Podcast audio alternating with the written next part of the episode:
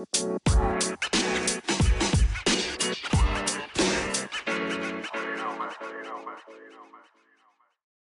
hey, super tof dat je luistert naar een nieuwe aflevering van de Positief met Pubers podcast. Mijn naam is Janneke en dagelijks beantwoord ik allerlei vragen via mail en DM van ouders die struggelen met dingen in de opvoeding van hun puber.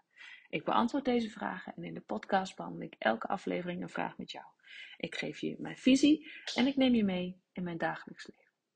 Mocht je dat nog niet gedaan hebben, abonneer je dan op deze podcast, zodat je geen aflevering meer mist. En als je deze podcast tof vindt, geef het dan zoveel mogelijk sterren of een positieve review. Hoe meer positieve reviews, hoe meer platforms als Spotify en Apple Podcasts deze podcast gaan aanbevelen aan andere ouders die deze podcast nog niet kennen. Daardoor kan ik groeien met deze podcast. Maar wat ik nog belangrijker vind, daardoor kan ik nog meer ouders bereiken die met soortgelijke struggles zitten als dat jij misschien zit. Je zou me enorm plezier mee doen. Dus dank je wel alvast. En nu gaan we gauw beginnen. Ja, lieve allemaal, dank jullie wel voor alle mooie berichten die ik al heb mogen ontvangen naar aanleiding van het eerste deel van mijn gesprek met Marieke Jansen. Echt super tof om te horen dat deze podcast zo goed ontvangen wordt en dat jullie me zo waardevol vinden. Vandaag staat deel 2 voor je in, in de planning. Ik hoop dat je, dat je hem weer net zo waardevol gaat vinden. We gaan verder daar waar we vorige keer geëindigd zijn over de afspraken. Ik hoop dat je het nog bijgebleven is. Mocht je weer vragen hebben, stel ze gerust. Je kan Marieke vinden, uh, of de informatie naar Marieke en haar website vind je in de show notes. Je kan er ook gerust een DM sturen via Instagram of via Facebook. Beantwoord ze net zoals ik met liefde. Ga lekker luisteren en we spreken elkaar heel gauw weer. Tot later.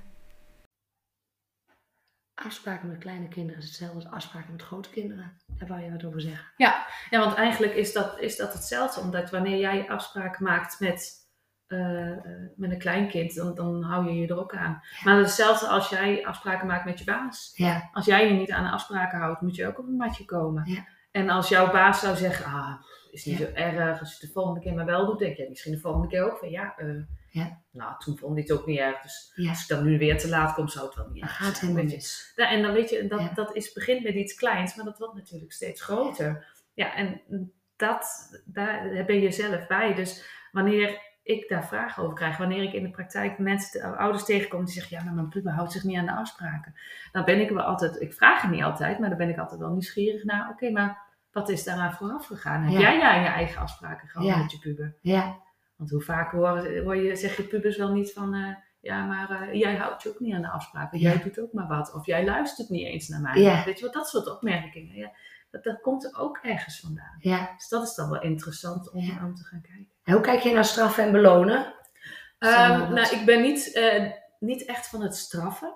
Ik ben meer van, wel gerichte, gerichte sancties. Daar heb ik het in mijn boek ook over. Oké. Eh, dat je dan eh, niet zegt, oh jij mag niet meer dit, jij mag niet meer dat. Maar meer, oké, jij hebt ehm, iets vernield. Nou, vergoed het maar. Ja. Weet je, op die manier. Dat, Ja. dat ze de, voelen dat zij verantwoordelijk zijn voor dat stuk. Ja. En dus de, de consequentie die daaraan hangt, is gekoppeld aan, eh, Wat het gedeelte, ja, aan wat gedeeld, gebeurd is en waar zij verantwoordelijk voor zijn. Ja. Dus als ze afspraken niet nakomen eh, met betrekking tot eh, thuiskomen, stel je hebt eh, afspraken over je moet zo en zo laat thuiskomen en ze sturen geen berichtje of ze doen niks en ze hebben geen goede motivatie waarom ze later zijn, dan is het de volgende keer ja, of eerder thuiskomen of niet weg of Ja.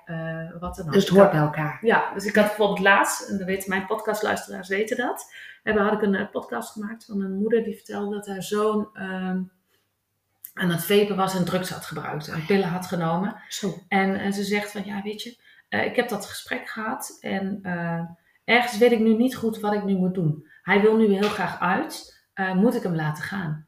Ik zei, nou ja, wat ik zou doen, en moeder zei achteraf, nou dit is net wat ik heb afgesproken met hem. Wat ik zou doen is hem de, de ruimte geven om te gaan. Maar wanneer je erachter komt dat hij toch weer geveegd heeft, gerookt heeft, of drugs gebruikt heeft, of wat dan ook, dan is het klaar. Dus Hm. dan heeft hij wel kans om, eh, op herstel, zeg maar. Ja. En dan is het klaar, dan... Dan is het klaar, dan, is, dan gaat hij, eh, eh, dan gaat hij eh, hoe heet het? die privilege gaat dan weg. Ja. Dus dan is het inderdaad volgend weekend niet uit. Ja. Of net, net Ja. wat je eraan wil koppelen, hoe heftig Ja. jij het vindt. Ja. Dus dat is dan wel de sanctie. Maar dan is dat gekoppeld aan de actie. Ja, dan krijgt hij nog een tweede kans ook om het te laten zien dat het Ja, wel kan heeft. Van gewoon, weet je, ik vertrouw erop dat jij dit kan. We hebben dit gesprek gehad met elkaar. Ja. Eh, maar goed, dat, daar staan aan, zo zou ik het aanpakken. En zo raad ik het ook aan. En deze moeder zei ook van, nou dat voelt voor mij ook goed. Want ik wil wel het vertrouwen hebben in hem dat hij een tweede kans mag hebben. ja, Eh, en dat hij daar eh, op in mag zetten. Maar dan moet hij het wel laten zien. En anders is het klaar. Dan is het inderdaad, dan gaat die privilege weg. Want wat merk jij aan, wat, wat merk jij aan, wat zijn de belangrijkste pubers, eh, de belangrijkste problemen waar pubers in de huidige tijd tegenaan lopen? Waar, waar worstelen ze het meest mee? Of is dat van alle tijden? Ik denk dat het ergens ook wel van alle tijden is. Maar je hebt nu natuurlijk het component social media erbij. Het internet. En dat is een wereld die nou ja, immens groot is. En wat natuurlijk geweldig is. Ik vind internet een geweldig medium. Eh, maar wat natuurlijk ook zo zijn risico's met zich meeneemt. Voor ons. Maar zeker ook voor pubers. Ja, Dus de, de verleidingen die eh, getoond worden op social media. De, de ideale wereld. Ja, niet de realistische. Ja, dat is natuurlijk wel een, een, verleiding die, eh, die risico's met zich meeneemt. ja, de wereld is ook veel groter geworden eigenlijk Ja. daardoor. Hè? Ja. Ja, Daar waar jij, eh, als ik als puber uitging vroeger, dat mijn moeder soms al eerder wist wat ik had gedaan dan dat, dat ik thuis was, zeg maar. ja, Ja, dat is nu nog steeds, maar toen ging het mond tot mond, zeg maar. Ja. Je die meer de sociale controle. Ja. En nu, nou ja, is soms social media al Ja. is je al voor. Dat je kan je moeder zien dat je laveloos op straat ligt Nou ja, op Instagram? dat. Nou ja, dat. Ik, weet, ik weet niet of je dat moet willen. Als Nee. Dus in die zin eh, eh, is dat wel, denk ik, van alle tijd. En, Ja. Maar ik merk ook, we zitten heel erg in een eh, prestatiegerichte maatschappij. Dus de verwachtingen die mensen hebben van, van hun kinderen, ja, eh, die, die de sp- sport heeft van, van, de, van het teamlid, die school heeft van een leerling, die ja, de, de baas heeft van, van zijn werknemer. En allemaal diezelfde puber. En dan nog de, wat de puber van zichzelf heeft. ja, Weet je, die vind ik ook wel heftig. Ja. Wat ik in mijn werk zie en wat ik in de praktijk zie, is dat daar ook heel veel eh, problematieken van komen. Bijvoorbeeld het stress wat je nu heel veel ziet. Stress, eh, angst, paniek. Eh, nou ja, van die lichamelijke klachten die niet goed te verklaren zijn. ja. Weet je, die zie ik nu ook heel veel. Eetproblemen. Ja. Eetproblemen. Verwachten we dan als ouders, bedoel je ook te veel van onze kinderen, leggen we er te veel druk op? Er zijn ouders die, Ja, die dat echt doen. Er zijn ook een heleboel ouders die zeggen, nou weet je, ehm, ja, als je zegt ik wil dat mijn kind alleen maar ge- gelukkig is, dat is ook al, voor sommigen is dat ook al een bepaalde druk. Ja. De druk om gelukkig moet, Ja. te moeten zijn. Ja, Dus dat, dat is dan ook weer een lastige. Maar wat ik dan tegen mijn kinderen zeg, nou ik vind het gewoon belangrijk dat je jezelf mag zijn. Ja. Dat jij mag zijn wie Ja. jij wilt zijn. ja, Nou, ja, dan- die, ja, weet je, en want bij alles wat je zegt is nu ligt al soort- ja, soms een soort lading op. En dat doen we zelf natuurlijk ook. Ja, Maar eh, dat is ook waar in de maatschappij, weet je, de maatschappij laat ook zien dat, dat, dat je gelukkig moet zijn. ja, En die lat kun je dan ook, ja, maar wat is dan geluk? Ja. Is geluk dan inderdaad eh, het hebben van een huisje, eigen huisje? Ja. Maar ja, dat is voor sommigen ook al eh, Ja, is ook een een ding ding. natuurlijk. ja, Maar wat, wat is dan geluk? En die definitie is dan voor iedereen anders. Maar social media helpt daar natuurlijk niet in. Want die grote huizen, dat is niet per se geluk. nee. Maar dat Nee. is wel een beeld wat geschetst wordt. Ja. Dus dat is een hele, hele lastige. het is lastig ook, hè. Ik zeg het al tegen de, tegen de bonusouders, die zeggen wel eens van... eh, ja, ik heb het gevoel dat ik niks bijdraag en dat mijn normen en waarden niet kan overdragen en dat ik niks mee kan geven. En dan zeg ik, zeg ik altijd gekscherend van, nou nee, is gekscherend. Van, ik heb goed nieuws en slecht nieuws. Het slechte nieuws is, eh, nee, het, het nieuws is dat je heel veel meegeeft aan je kinderen, onbewust. Dus Ja. jouw slechte dingen, als je heel veel vloekt, heel veel op je telefoon zit, eh, niet attent bent, dan draag je het over aan je kinderen. Dus ben je daarin het voorbeeld. Maar je geeft ook heel veel mooie dingen mee. Veel meer dan jij denkt. Als jij aan verjaardagen denkt, als jij mooie tradities meeneemt, als jij complimenten geeft, als jij oprechte interesse toont. Je geeft echt veel meer mee aan je kind dan je denkt. En Ja. dat is goed nieuws en slecht nieuws. Maar eh, zelf had ik een keer bij mijn dochter, daar schrok ik wel van inderdaad. Van, toen zei ze, oh mam, je bent zo'n enorme doorzetter. En toen heb ik haar daar ook op doorgevraagd. Dat ik, oh ja, dat is lief dat je dat zegt. Maar ik dacht wel van, eh, ze noemde inderdaad nou ja, de scheiding, het overlijden van mijn vader. ehm, eh, er gebeurt nog meer dingen. Oh ja, mijn onderneming en werken. En ja, ze zei, jij kan zoveel tegelijkertijd. Toen dacht ik, oh fuck, oh sorry voor mijn woordgebruik. ja, dat- ja, dat is mooi op zich. Want dat is mooi dat je dat ziet. Dat je heel veel kan bereiken. En dat je heel veel kan, aan kan als mens. Maar ik voelde ook wel een beetje, ik dacht van, oh jeetje, moet niet het gevoel krijgen dat je heel veel moet kunnen en moet doorzetten en weet ik wat allemaal. Dus ja, nou ja, dan vind ik het wel mooi dat ze het zegt en dat je erover in gesprek kan. Maar ja, je moet je wel bewust zijn als ouder inderdaad, hè, welk voorbeeld je bent. Ja, want dat is het. Dus heel veel ouders denken dat als je kind klein is, dan, dan moet je beschikbaar zijn. Maar als ouder is, dan, dan hebben ze dat niet meer nodig. Maar Ja. dat is het tegendeel is waar. Nee. Hoeveel pubers ik wel niet zie. Vorige week nog een heel mooi gesprek gehad met een ouder en een puber.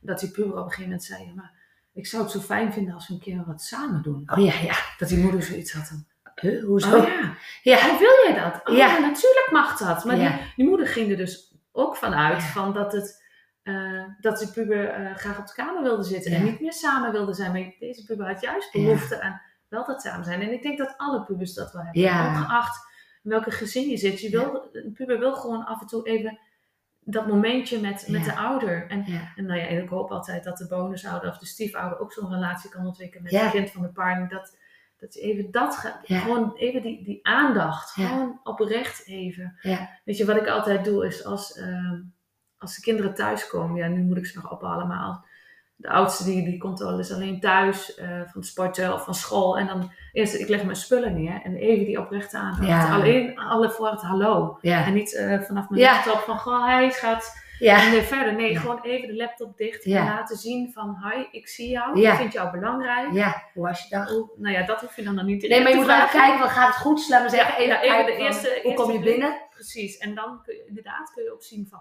wel gesprek, geen gesprek, of moet ik je even laten? Ja. Of heb je zin in wat drinken met wat lekkers? Ja, ja, Weet je, dat, gewoon Ja. die kleine momentjes. ja. En dan weet je natuurlijk ook wat heel veel bonus, of ouders, bonusouders zeggen wel eens van, ja, joh, waarom moet ik thuis zijn voor die puber? Vertrek toch naar de kamer.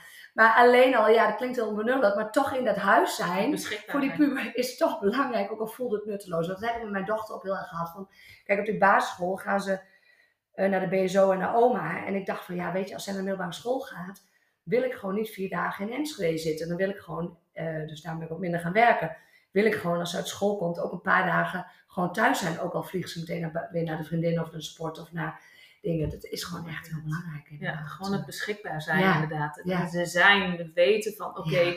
als er wat is, dan kan ik er naartoe. En dat, dat, dat, dat hebben Niet ze echt wel in een nodig. stil huis eh, binnenkomen, inderdaad. En dat is één keer is dat niet erg, maar als dat keer op keer op keer is, dan, ja. weet je, dan heeft dat invloed op een Ja. kind. Als jij niet beschikbaar bent als ouder, als, nou ja, wat voor ouder, in welke relatie dan ook, dan, ja, dat, dat hebben ze gewoon nodig. Je merkt dan aan ze dat ze dat, dat, dat nou ja, vaak eh, negatieve aandacht vragen Ja. wordt. Dat dat Ja. op welke manier dan ook. En dat, dat is soms wel heel schrijnend om te zien. Ja, juist op die leeftijd Ja, eigenlijk. ook, hè? ook op die Ja, leeftijd. ook Ja, op die leeftijd. Ja.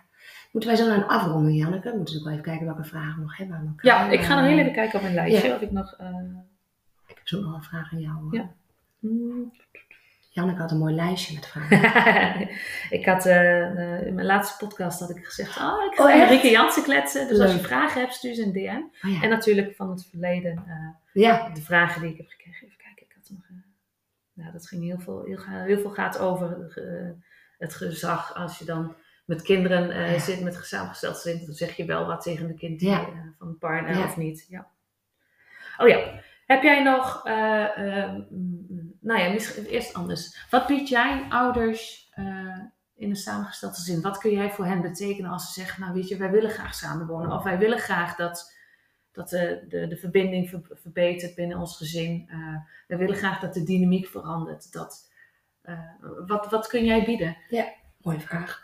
Ehm, ja, ik heb toevallig van heb ja, ook een podcast over opgenomen. Zo bijzonder zijn samengestelde gezinnen eigenlijk niet. Het grappige is, is dat eigenlijk een samengesteld gezin unieker is in de personen die onderdeel ervan zijn. In karakter, persoonlijkheid, eh, misschien een ziekte, misschien intelligentie, interesses. In plaats van in de problematiek. Eigenlijk kom ik bij alle samengestelde gezinnen continu dezelfde problematiek tegen. En dat is heel divers en daar begeleid ik ze dus ook bij. Dat is eh, samen opvoeden. Eh, communicatie is echt ontzettend belangrijk om die supergoed met elkaar te hebben, want dan bereik je gewoon heel veel. Eh, en ik heb laatst ook een podcast opgenomen over wat, waar mag je wel en niet mee bemoeien in de opvoeding. eh, is een ding, rol en positie. De relatie moeder-bonusmoeder is de ingewikkeldste in de stiefdynamiek. Dus daar begeleid ik mensen veel mee. De invloed van het andere gezin op jouw gezin. Loyaliteit. Bloedwrok heet dat. Dat je meer kan hebben van je eigen kind dan van het kind van je Mhm. partner. Ehm, dus ja, al dit soort eh, thematieken, twee gezinnen samenvoegen, inderdaad samenwonen. Ja, dat is eigenlijk het meeste waar ik op begeleid. En dan vaak stellen, maar als eh, het een individueel probleem, het is eigenlijk nooit een individueel probleem, maar als degene zegt, nou ik wil graag hier begeleiding bij, eh, dan bied ik dat ook. En soms doe ik ook wel, want ik bied trajecten aan, eh, samen begeleiden en ook enkele sessies los. Mhm. Uh, online cursus zit er in mijn traject. Met, gaat over opvoeden en over mindset. Want mindset is natuurlijk ook heel erg een ding. Ook in het samengestelde gezin. Ehm, dus dat is eigenlijk een beetje de thema's en de problematieken waar ik samengestelde gezinnen vooral coach. En ik coach live in Winterswijk. En ik coach ook wel heel veel. Ja, dat komt echt door corona online. Mensen uit het hele land. Ehm, dus ja, dat is een beetje de, waar ik in grote lijnen me mee bezig houd. Ja. Dan Ja. ben ik eh, wel even nieuwsgierig, want ze hadden het op een gegeven moment de relatie tussen eh, eh, de, de, de nieuwe partners met je ex-partner. Ja. Dus nou ja, voor het voorbeeld stiefmoeder en moeder. Ja, Die, je zegt, die is heel heel die is meest ingewikkeld. Ja, en Ja. op welke manier is Ja, dat? toen ik dus in de opleiding zat, toen dacht ik, hoezo is die het meest ingewikkeld? Een flauwekul, geloof ik niet. Hmm. En uh, maar ja, toen ging mijn docent mij dat al uitleggen. En toen dacht ik, oké, en nu weet ik het helemaal. Ja, dat komt door heel, ik heb daar ook echt, ben daar specifiek ingedoken. Ik heb allerlei mensen geïnterviewd daarover. Ik heb er ook een paar aantal afleveringen over opgenomen met de uitkomsten. Moeder, bonusmoeder is het meest ingewikkeld. En het komt onder andere toch ook doordat moeders, vrouwen nog steeds meer zorgtaken op zich nemen. Mhm. En daar soms ehm, in het vaarwater komen van de biologische moeder. Ehm, ik, ehm, eh, ik had ook een blog geschreven of een podcast opgenomen over bonusmoeder ken je plek. En eh, daar kwam natuurlijk, en wist ik, er kwamen ook heel veel pittige reacties op. Omdat het natuurlijk een pittige stelling is, maar eigenlijk is het helemaal niet zo pittig. Er zijn gewoon sommige bonusmoeders, eh, en dat geldt ook voor de biologische moeder, die moet ook haar plek kennen. Ehm, bonusmoeders, nou ik doe even een heel extreem voorbeeld. Bijvoorbeeld een bonusmoeder die denkt, oh mijn bonusdochter wil gaatje in de oren, kom die Oh. laten we schieten. Die echt Mhm. denkt, hoezo bedenk jij dat? Tenzij je zeker weet dat mag. Ja. Ehm, maar ook biologische moeders die ehm, zich veel te veel mengen in het gezin eh, va- eh, van de bonusmoeder en de, nieuwe- en de ex-partner. Ja. Hele dagen appen, alles door willen geven, alles willen weten. nou, daar helemaal in doorslaan. Dus ja, doordat ze gewoon meer in de zorg zitten, vinden ze het lastiger met elkaar. En wat ik al zei, eh, bonusvaders hebben, zijn, nee, dat heb ik nog niet gezegd trouwens, maar dat zeg ik wel vaker. Bonusvaders eh, zijn toch ook beter in ruimte geven aan de kinderen, ruimte geven aan het ontstaan van de relatie, meer op afstand blijven. Eh, nou ja, dus moeder, bonusmoeder is ingewikkeld. En ik zeg ook altijd van, als je de kans krijgt en doe daar echt je best voor van beide kanten, ja, ga elkaar wel ontmoeten en ga kennis maken. Maar als je dat niet doet en je laat er heel lang tijd overheen gaan en er ontstaat al iets frictie, ja, dan is het veel moeilijker om die stap eh, te zetten. De moeder van mijn bonuskinderen was echt was zwaar ontroerd. Laatst heb ik, oh, heeft een blog van mij, Linda, gestaan over bo- bonusmoeder-moeder. En heb ik ook gedeeld over onze relatie. En ik heb haar dat natuurlijk laten lezen, want ik dacht, Mhm. ja, voordat ik dat eh, landelijk verspreid, eh, moet, ik, Ja. moet ze dat zien. En ze vond het prima. En toen zei ze, mailde ze naar mij, ik had me geen betere bonusmoeder kunnen wensen voor mijn kinderen dan jij. Eh, ik huil niet gauw. Maar toen dacht ik, oh wat lief. En ik wist ook wel dat het goed zat. Maar dat was wel heel lief. En ik heb ook met haar meteen afgesproken toen ik in het gezin kwam. En weet ik wat allemaal. Dat heeft ze ook heel gewaardeerd. Ja, het is... ehm, ja, en weet je, als er vreemd is gegaan, dan snap ik het ook. Hè, dat je denkt, fuck jou, stom wijf. Ja, Je nee, hebt mijn man afgepakt. Maar Ja. dat is natuurlijk het uiterste, hè. Ja. Ja, het is gewoon heel ingewikkeld. En ik denk echt, oh jongens... eh, soms is het gewoon onduidelijk waarom het ingewikkeld is. Dan, dan die biologische moeder negeert gewoon snoeihard die bonusmoeder, terwijl het helemaal niet in belang is van de kinderen. Ja, nou ja, dus het is heel ingewikkeld. Ja, Ja. ja. En je zegt, Linda, doe je dat, eh Ja, is dat ik heb- eenmalig? Of Nou, ik heb één blog, ja, dat was, nou, ik heb één blog, staat anoniem in de Linda. Mhm. En één blog met naam en toenaam in de Linda. Zij hebben een rubriek lekker samengesteld. En toen heb ik eh, een tijd geleden mijn blogs gestuurd, een aantal. En eh, negen maanden later of zo eh, kwamen ze al Oh, terug van, we willen er wat mee. En eh, ze- oh, ze gaan, ook nog, ze gaan ook nog over de podcast delen in de Linda. Oh, kijk. Dus dat gaat binnenkort gebeuren. Dus dat is helemaal leuk. Ja, leuk. ja. Goed bezig. Ja, Ja, nog een andere vraag, voordat ik jou nog een laatste vraag op wil stellen hoor. Maar Heb je nog vragen waarvan je denkt die moeten gesteld worden? Nee, maar dat komt misschien dadelijk oké. Nee, wat ik nog van jou wil weten, wat hoop je, wat wens je voor de toekomst met jouw praktijk? Wat hoop je te bereiken?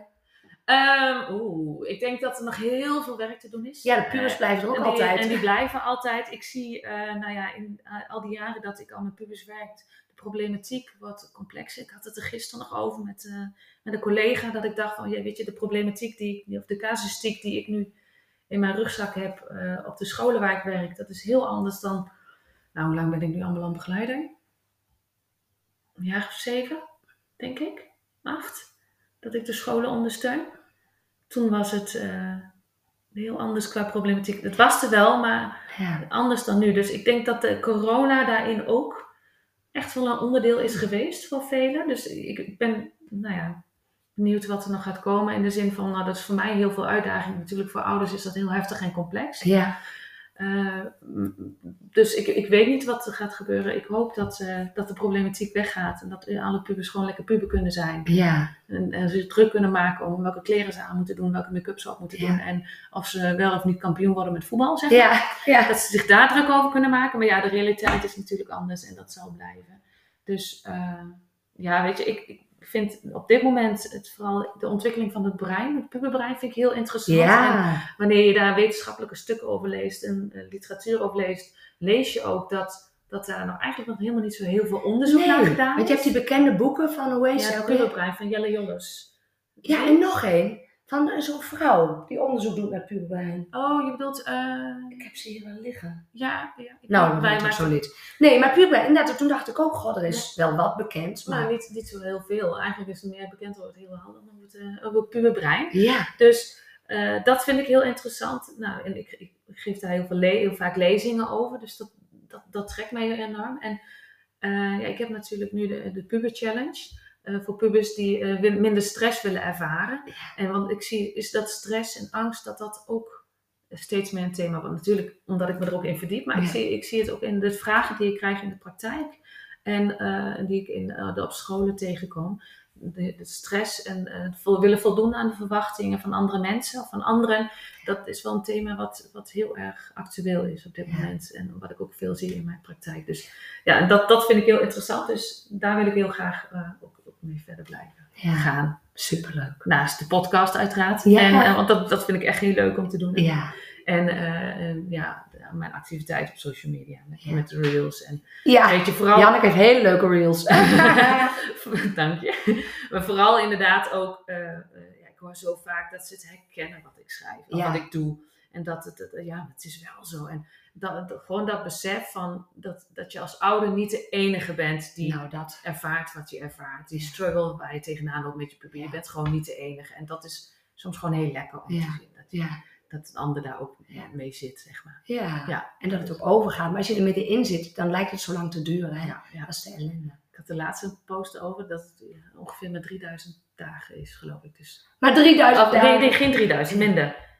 Nou ja, maakt niet uit. In ieder geval, ja, weet je, de echte, de echte heftige puberteit is denk ik voor mij vooral de middelbare school. Ja, En soms is het dan, ja, als je VMBO hebt, misschien de eerste twee jaar MBO nog. ja, Maar dat is het wel. Dan heb je de, me- de meeste heftige periode denk ik wel gehad. En ik zelf vind de, de, de tijd net voor de puberteit, dus waar mijn dochter nu in zit, vind ik eh, best wel heftig ook zelf. Omdat ja. Weet je, eh, mijn dochter wil heel graag eh overleggen en wil heel graag praten. Maar schiet dan soms zo in de emotie Oh ja. van, jij luistert niet. Want Ja. ik, nou ja, terwijl je wel luistert, maar voor haar gevoel. Je geeft niet het juiste antwoord, Janneke. Nee, ik geef inderdaad niet, dan, niet het antwoord wat zij graag wil horen. En dan poef, kan ze zo in die emotie schieten. En zij wordt dan best wel snel boos, Ja, vindt ze zelf. ja. En eh, dus daar, die gevoeligheid begint nu. Die, Ja. ik denk dat de hormonen daar ook wel een stukje in, in spelen. Mijn dochter werd helemaal nooit boos en zo. Dat heeft ze ook van mij. We zijn nogal conflictvermijdend. Ah, ja. Eh, we leren het. Maar eh, ook daar ben je dan ook weer niet het juiste voorbeeld in. Ik wil heel graag voorbeeld zijn dat je ruzie mag maken en boos mag zijn. Maar toen werd ze op een gegeven moment wel op die leeftijd ook een paar keer boos. En vervolgens moet ze huilen. Ik weet helemaal niet waarom ik boos word. Ja. Dus ik, ach kind, ja, er verandert wat in jou. Het, het mag, het mag Ja. er gewoon zijn. Al die Ja. emoties mogen er zijn. En het is aan ons als ouders de uitnodiging om ja, een beetje daar... Nou ja, mijn dochter doet nu rats en water, een beetje water in te zijn. Mee te bewegen en niet overal een probleem van maken. Ja. Weet je, niet elke uitval eh, als reden zien om die discussie aan te gaan. Van, eh, je daar met respect met me praten. Weet je, soms hebben ze er ook geen Nee. in die zin controle over. Nee. En overkomt het ze ook een Ja. beetje. Net zoals wij dat ook Ja. wel eens hebben met onze Ja. maandelijks perikelen. Dan Ja. overkomt het en dan denk je achteraf van... Oh shit. Oh sorry, ik weet niet of dat mag. Ja, dat heb ik ook al maar oh, oh shit, van... eh, dit, had ik, dit wilde ik helemaal niet zeggen of dit wilde ik niet doen. Nee. En weet je, die momenten gebeuren, die, die heb ik ook, maar die zul jij ook hebben. En, Ja. En dan is het ook gewoon, als, als je het dan hebt over voorbeeld van, goh, lieve schat, het spijt me dat ik zo reageerde. Dat was Ja. niet helemaal mijn bedoeling. Eh, ik weet niet precies waarom, of misschien weet je het wel. En om dat gesprek dan ook weer aan te gaan, dan ben je natuurlijk ook weer een mooi voorbeeld. Dat je terug mag komen op, nou ja, tussen haakjes foute beslissingen. Want Ja. wat is fout? Het is natuurlijk Ja. weer een hele mooie les die je kan meenemen. Ja, daarom, je leert er alleen maar van. Ja. Is er nog iets niet besproken wat we nog bes- moeten bespreken? Hmm. Ja, oneindig veel thema's Ik wou nog zeggen, er zijn nog genoeg vragen, maar ik denk Ja. dat we voor nu al iets heel moois hebben neergezet. En Ja. nou, mogelijk dat daar een vervolg aan kan gaan komen, dat er nog weer vragen komen. Ja. Dat we op die manier dan weer Ja, vragen Kunnen we dat is een oproep van Janneke en mij. Als er vragen zijn over pubers, samengestelde gezinnen, wie weet maken we ooit nog wel weer een vervolgaflevering of Ja. een nieuwe aflevering. Leuk. Ja, leuk. Thema, een leuk thema hebben wij, hè Janneke? Ja, Ik, ja, wij- ons werk is gewoon heel erg leuk. Ja, is- Werken met pubers, dat, is, ja. Ja. dat vind ik gewoon heel erg leuk. ja, met mensen. Ja, Ja. super tof. Ja, Janneke, onwijs bedankt. Jij ook heel erg bedankt. Ja. Ik denk dat ook de ouders die naar mijn podcast luisteren hier heel veel aan hebben. En nou ja, mocht je eh, meer willen weten over Marieke, je kunt haar volgen denk ik op Instagram en Facebook. Uh, Instagram, Facebook, LinkedIn. Ja. Oké, en dan gewoon op Marieke Jansen? Ja. ja, we kunnen wel uh, in ieder geval, we kunnen elkaars website in ieder geval even in de show notes eh, bij de podcast zetten. En dan uh, kunnen ze het verder, kunnen ze verder kijken. Ja, ja dat elkaars website, elkaars podcast even noemen in de show notes. Nou, dan kan iedereen het zo vinden. Dan is het één klik en dan is het klaar. Mooi. Dankjewel. Leuk. Heel graag gedaan.